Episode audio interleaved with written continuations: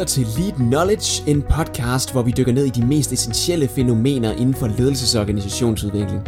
Mit navn det er Niels Vium, og jeg er ledelseskonsulent i Lead Enter Next Level, og så er jeg din vært her i podcasten. Hjertelig velkommen til. Ja, hjertelig velkommen til endnu en episode af Lead Knowledge.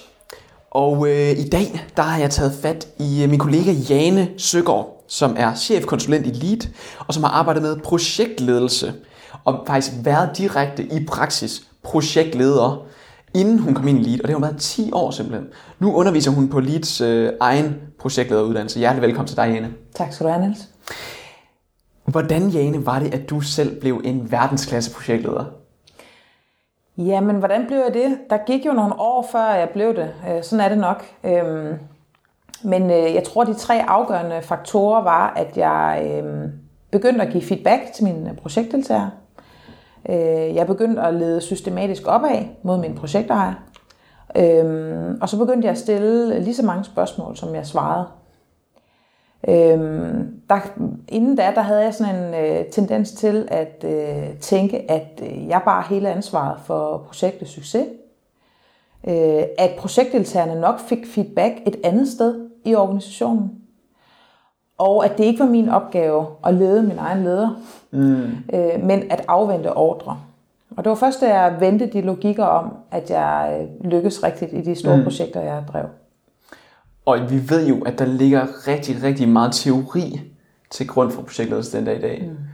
Og, og hvad kan man sige, hvis du har arbejdet med projektledelse i 10 år, sidder du så stadigvæk den dag i dag og kigger på interessentanalysen og SWOT'en og alle de her forskellige teorier, eller hvad, hvad tror du i virkeligheden, der sker i dit daglige virke som projektleder der? Og grund til, altså, hænger det her sammen med den måde, du er blevet god på? Eller hvordan tænker du generelt om teorien bag projektet til i dag, kunne man også spørge? Ja, Jamen, det er et rigtig godt spørgsmål, fordi øhm, hvad kan man sige, projektledelse er jo sådan en relativt lineær videnskab, øhm, og den stammer jo fra, fra softwareudvikling og ingeniørkundskaben, som er sådan, vi skal bygge en bro, hvordan gør vi det? Øhm, og der, hvor, hvor projektledelse ofte har været udfordret, har været på nogle af de projekter, som har en langt lavere grad af strukturering, og en langt lavere grad af metode, redskaber og mm. faste værktøjer, man bruger. Og der bliver projektledelse som fag øh, udfordret. Og jeg var til et, et, et symposium her for ikke så længe siden, hvor keynote-speakeren Sam Bunting fra, fra PA, han sagde, at projektledelse som fag overlever ikke den agile transformation. Okay. Og øh, der sad vi tusind projektledere, og der gik et suk igennem salen. øh, fordi så var vi jo sådan set blevet arbejdsløse. Men det han så tilføjede, og det læner jeg mig sådan set meget ind i, det er, at projektledelse som fag er måske uddødt, men projektledelse med stregen og ledelse er i den grad nødvendigt og afgørende for at lykkes med de øvrige transformationer, som vi er i gang med som, øh, som samfund. Sindssygt fedt. Lige nu sidder vi jo og optager den her podcast. Og øh, vi har ikke sådan super lang tid til at komme i dybden med, hvad der skal til for at blive en verdensklasse projektleder. Nej. Så mit næste spørgsmål er simpelthen bare, hvis vi går direkte i kødet på, og forestiller os nu, at, at jeg sidder derude som projektleder, jeg skal til at i gang med det her projekt, og jeg har fem andre ting i mit daglige virke, i min stilling, som jeg skal tage mig af, som gør, at jeg simpelthen ikke har tid til at læse en masse litteratur på det her. Mm. Nu vil jeg gerne bare have over de næste 20 minutter eller deromkring, helt konkret, hvad er det, jeg skal være opmærksom på som projektleder for at lykkes? Ja, altså øh, på den måde ligner du øh, stort set alle de projektledere, jeg møder, nemlig at øh, man har en række forskellige projekter, man skal lykkes med, øh, i større eller, større eller mindre skala, øh, og man har ikke tiden til det. Man har ikke tiden til fordybelse og til rigtigt at gå i, i, i dybden med projektets problematikker. Øh, og man ser jo, hvis nu kender jo altid effektivitet, og man ser jo, at øh, jo flere projekter man har gang i, jo mindre effektiv er man per mm. projekt. Så det, jeg vil anbefale for den her pressede projektleder, det er helt klart at stille sig selv det spørgsmål, hvem skal hjælpe mig med at lykkes i den her rolle og med den her opgave? Fordi det, som, øh, som, som projektleder ofte kommer til, det er at øh, tage hele verden på ens skuldre. Det er i hvert fald mit ene ansvar at lykkes med det her projekt. Så stil dig selv det spørgsmål, hvem er min hovedhjælper i det her projekt? Ah. Hvor sidder vedkommende henne, og hvornår kan jeg mødes med hende eller ham? Simpelthen. Så, så hvad er det gode spørgsmål til min hjælper? Og hvordan løber vi sammen i parløb igennem det her øh, projekt de næste 3-5 måneder? Mm, ja, hvis jeg siger, mm. det er 3-5 måneders projekt mm. nu. Du siger, som projektleder kan jeg godt have tendens til at tænke, det er mit ansvar det mm. hele. Mm. Så jeg skal bære den her. Jeg skal selvfølgelig uddelegere. Men så siger du, drejer lidt på hovedet, altså bare lige så helt med mm. i forhold til konkret i praksis, hvad er det, jeg gør? Jamen, det du gør, det er, at du sætter dig ned og tænker, hvem bliver afgørende for min succes som projektleder i det her? Mm. Typisk vil man sige, det gør min projektejer. Mm. Rigtig mange projektledere er faktisk i tvivl om, hvem deres projektejer er. Så det, det, det er det første okay. spørgsmål, jeg vil stille mig. Øhm, typisk er det jo formanden for styregruppen, men øh, der er faktisk nogle projektledere, som ikke har en styregruppe, som ikke har en, en praktisk organisering omkring deres projekt. Så bliver det meget uklart, hvem er det så, jeg refererer til? Er det min daglige leder, eller er det en helt anden i organisationen? Øh, så det er det første spørgsmål. Når du så har lokaliseret vedkommende, så er det noget med at få bænket vedkommende og sige, jeg skal lykkes med det her, vi skal prioritere mine opgaver. Hvad er det, vi skal lykkes med? Hvilken effekt skal det skabe i basisorganisationen? Hvad er det for nogle gevinster, jeg skal løbe efter? Og hvad skal jeg starte med? Fordi det tror man ofte, at det skal man selv finde ud af. Men det skal man heldigvis ikke som projektleder. Det er en helt anden snak, når vi snakker om projektejer. Det er en helt anden uddannelse. Ja. Som projektleder, så har du ansvaret for at udføre det, som projektejer og styregruppen sætter dig til. Du har ikke ansvaret for selv at opfinde, hvad du skal lave. Det, jeg stadigvæk har ansvar, det er vel også, eller ansvar for, det er vel også at finde ud af, længere nede i organisationen, i driften måske, mm. helt konkret, hvem skal der lave hvad? Eller skal jeg, er det måske heller ikke mig selv kun? Nej. Skal jeg også afstemme det simpelthen med? Ja. Øh... Altså der findes et rigtig godt øh, værktøj, som, øh, som vi også arbejder med her i LEAD, som hedder gevinstkortlægning eller gevinstrealisering. Og øh, uden at sådan skulle gennemgå det øh, værktøj, som man kan læse om, så, øh, så er hovedpointen i det, at man arbejder med ejerskab ind i det. Hvem yes. ejer den her gevinst? Og det behøver ikke at være en i projektorganisationen, det er typisk en ude i forretningen. Men det ejerskab, det skal man sige højt, når projektet starter, og ikke først den sidste dag, mm. som mange projektledere kommer til at sige, nu har vi lavet det her fantastiske produkt det her projekt, værsgo. Mm. Jamen, jeg vil hverken eje eller have det, jeg har ikke noget behov for det. Jamen, nu har vi arbejdet i fem år på at lave det her, mm. den her ding, ding, no til dig. Ja, ja. Så, øhm, så, så, så det her med ejerskab og det her med at forpligte forretningen på, nu sætter vi det her storstilede projekt i gang, om et år, der har vi XYZ klar til jer. Hvordan vil I implementere det? Så den, den dialog med forretningen, konstant, den bliver fuldstændig afgørende for din succes. Og for timingen og legitimiteten af projektet. Vildt nok. Okay, det er altså en ret god øjenåbner. Øhm, den der med simpelthen, simpelthen tage fat i de andre, der kan hjælpe mig med at finde ud af, hvem gør hvad her. Det er ikke kun mig og mine skuldre ligger på. Hvad tror du, nu har vi endnu kortere tid tilbage, og folk igen presser på tid, skal finde ud af, hvad er det, de ellers skal være opmærksom på i deres projektledelse fra nu af, hvis de kun har den her podcast at lytte til overhovedet. Mm. Så det næste spørgsmål er, bare så alle derude er sikre på, at det, gør, det skal de øh, stoppe med, eller det gør de i hvert fald ikke længere. Hvor er det folk ofte går galt i byen i deres projektledelse?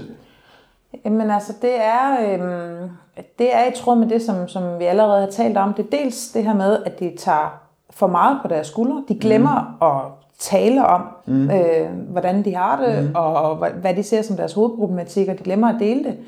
Og så glemmer de at spørge. Det, det, det, det er i hvert fald en af de største fejl, jeg har gjort mig som projektleder. Det er at glemme at spørge, giver det her stadig mening? Ja. Øhm, og hvis ikke det giver mening, hvordan kan vi få det til at give mening? Eller alternativt, hvis ikke det giver mening, skal vi så ikke bare lade være? Og så gøre noget, der giver mm. mening. Det er det, det spørgsmål, der skal være grundlæggende for enhver projektleder. Det er, du skal gøre det, der giver mening. Hvorfor stiller folk ikke det her spørgsmål? De er bange for, at svaret er nej.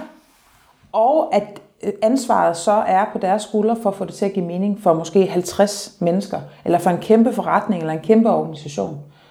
Øhm, så for ikke at få det up front, så løber man hellere væk fra det. Det kan ikke anbefales, fordi det kan man bruge mange år, det har jeg selv gjort, på at løbe væk fra et svar, som man faktisk kunne have arbejdet med. Altså, så, så gå fra den der øh, sort-hvid dikotomi, der hedder, enten så kører jeg, eller også så øh, er jeg en faliderklæring som projektleder. Så åbne, åbne svaret op og så sige, giver det her stadig mening? Nej, det gør det faktisk ikke. Godt, hvad skal vi justere på? Mm, hvorfor leverer du ikke på projektet? Fordi det ikke giver mening for mig. Hvad skal der til for, at det giver mening for dig, så du kan levere ind i projektet? Mm. Altså, og det er så enkelt, når man siger det, men hold kæft, det bliver sjældent stillet det spørgsmål. Fordi vi er så forhippet på, at øh, producere, at levere, at finde svar, at gå på løsningen. Så stay off the fucking solution. Mm. Ikke? Mhm. Og du siger, det har du selv gjort. Er det en bestemt case, du tænker på her? Ja, altså jeg kørte... Altså det der med, at ikke at stille spørgsmålstegn ved, giver det stadig mening at gøre det her? Var ja, det det, det drejer ja, sig om? Ja, ja. Det, er, det, det er især i de tværgående projekter, mm. jeg tænker, det er en stor udfordring. Mm. Øh, vi får flere og flere øh, tværgående, tværkommunale, tværsektorielle, tværfaglige projekter, som går på tværs af grænser, fordi vi ikke kan løse de komplekse problemstillinger, vi har i vores samfund øh, monofagligt mm. længere. Ja. Og, øh, og det er sindssygt spændende, og det giver rigtig god mening. Det, der så bliver udfordringen fra projektlederen, det er at stå i de øh, måske historiske øh, konkurrencesituationer, eller gamle fortællinger om hinanden, eller manglende forståelse for hinandens blik på verden, som man skal håndtere, samtidig med, at man har den lange aktivitetsportefølje øh, under sig. Så det der tog, der pusher på, samtidig med, at man skal skabe mening for nogen, som aldrig har talt sammen før. Det er sådan sat på spidsen. Ja, ja. Øhm, og øh, jeg, jeg var projektleder for et stort EU-projekt øh, for nogle år siden. Øh, 35 millioner over fire år, syv partnere, tre universiteter. Øh, der var også private partnere med. Og det, som var ekstremt angstprovokerende for mig på det tidspunkt, det var dels hele det her EU-rammeværk, som kan være voldsomt overvældende. Var du projektleder for alt det her? Ja, Rent, rent administrativt var der, var der overvældende, men så var der også en kæmpe konkurrencesituation mellem parterne. Ja. Og vi havde været fire år om at lave projektbeskrivelsen, og nu havde vi så fire år til at udføre den. Det giver næsten sig selv, at det, vi fandt på for fire år siden, kan eventuelt have ændret sig ja. efter fire år. Ja. Øhm, det havde det, øh, og verden så helt anderledes ud, heldigvis. Jeg turde bare ikke spørge, velvidende, at vi har brugt fire år på at lave en, en, en, øh, en ansøgning. Jeg turde ikke stille et spørgsmål, der hedder, giver det her stadig mening? Mm. Fordi hvad nu, hvis du svarede var nej? Så var det mit ansvar at råde kastanjen ud af ilden, og jeg kunne ikke skrive den ansøgning alene. Efter nogle år i det projekt, ville jeg ønske, at jeg havde stillet det spørgsmål. Øhm, og så kan man sige, er det, dit, er det dit ansvar at stille det spørgsmål? Er der ikke også nogen andre, der kunne stille det spørgsmål? Jo, jo. men det er også dit ansvar. Ja. Og det er den kompetence, du som menneske skal have at kunne stå i det.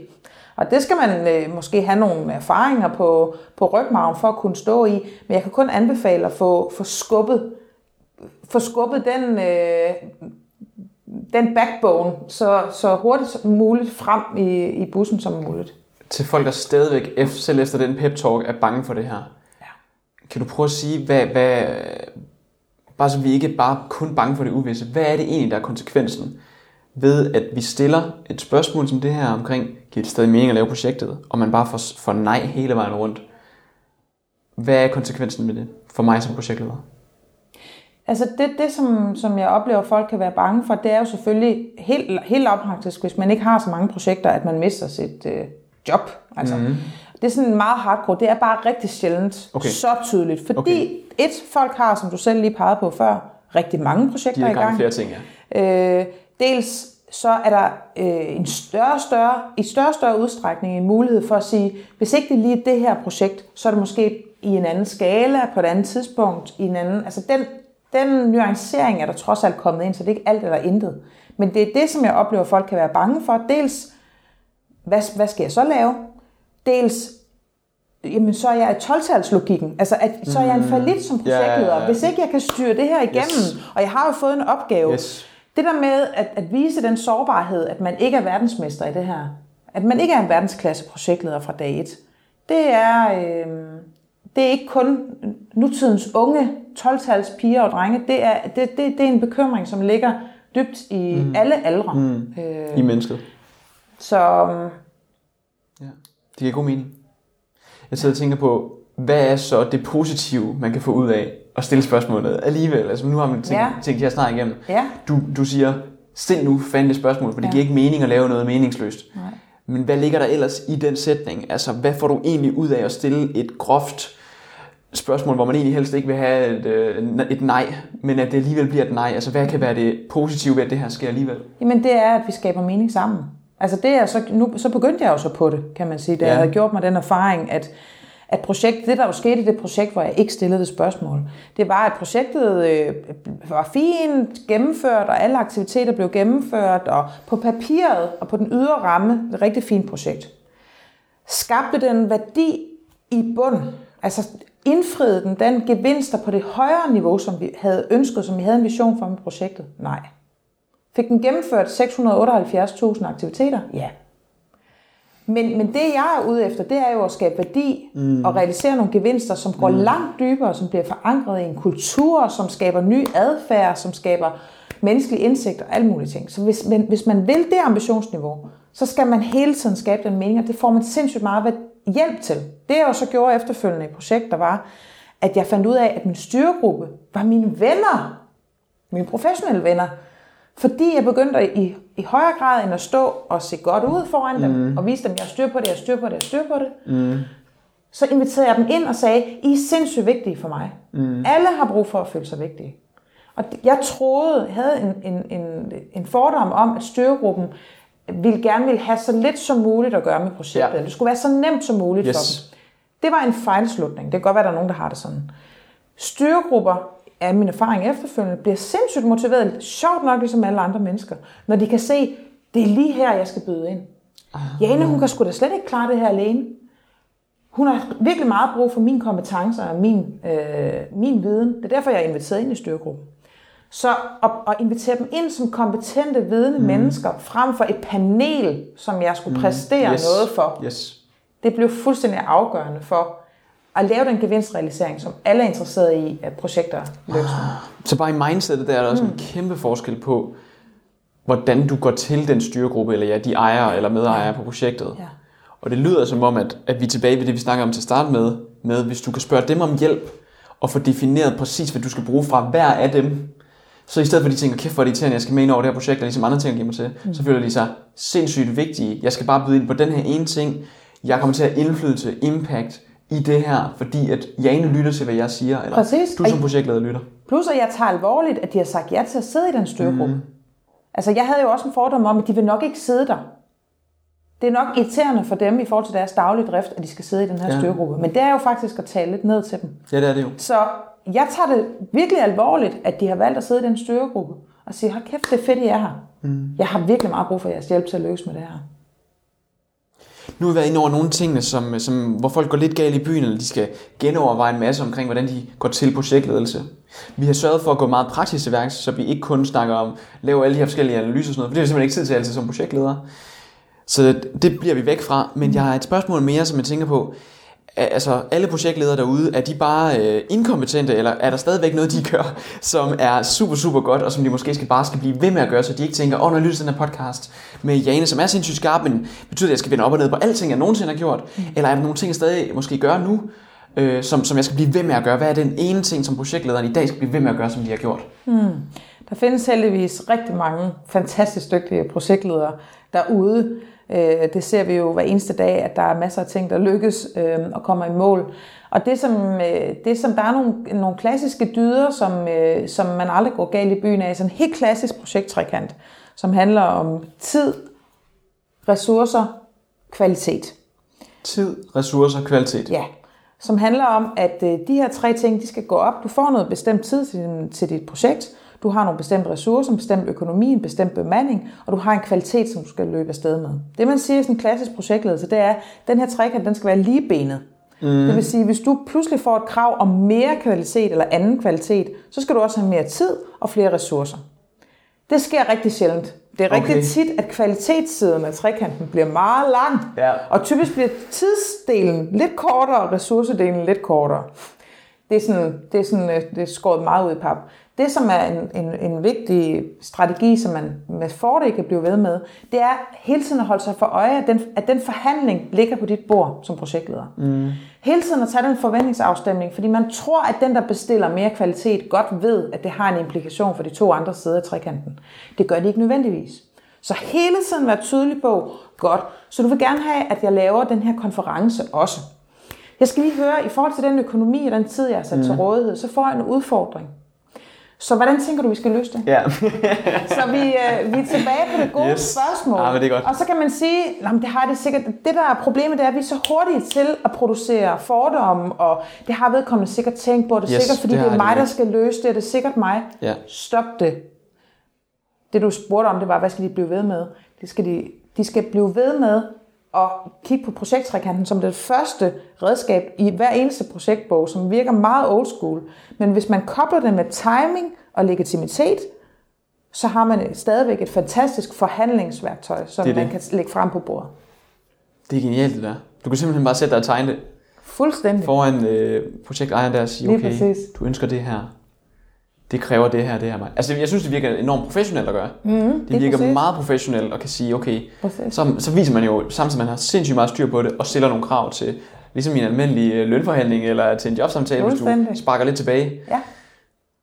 Super fedt, Jane. Vi kan simpelthen ikke nå mere. Nej, Det, det var helt grundlæggende, hvad det er. Så på, på de her, hvad har vi nået nu, 20 minutter eller sådan noget, hvad der er vigtigst at være opmærksom på simpelthen. Mm. Lad være med at læse en hel masse teori. Måske lige gå ind og kigge på den der trekant, som det er højeste. og gevinstrealisering. Gevinstrealisering. Ja, den er virkelig vigtig. Og projektleder trekanten. Ja. Hvad kaldte du den? Helt præcis. Ja, Hvad googler man? Projektleder Ja, trekanten. projekttrækanten. Projekttrekanten. Mm. Super fedt. Ja, mere vil jeg simpelthen ikke sige. Folk må videre. De skal i gang med deres projekter. Ja, det skal de. Held og lykke med det derude. Ja, tak til dig, Jane, fordi du er med. Det var en kæmpe fornøjelse. Tak jeg måtte. Hvis du øh, har to minutter alligevel øh, projektleder derude, og gerne vil vide lidt mere om, hvem vi er, kan du finde nogle flere afsnit i den her podcast inde på lead.eu. Men ellers så øh, smut afsted med dig. Vi cutter den her. Tak for i dag. Hej hej. Hej.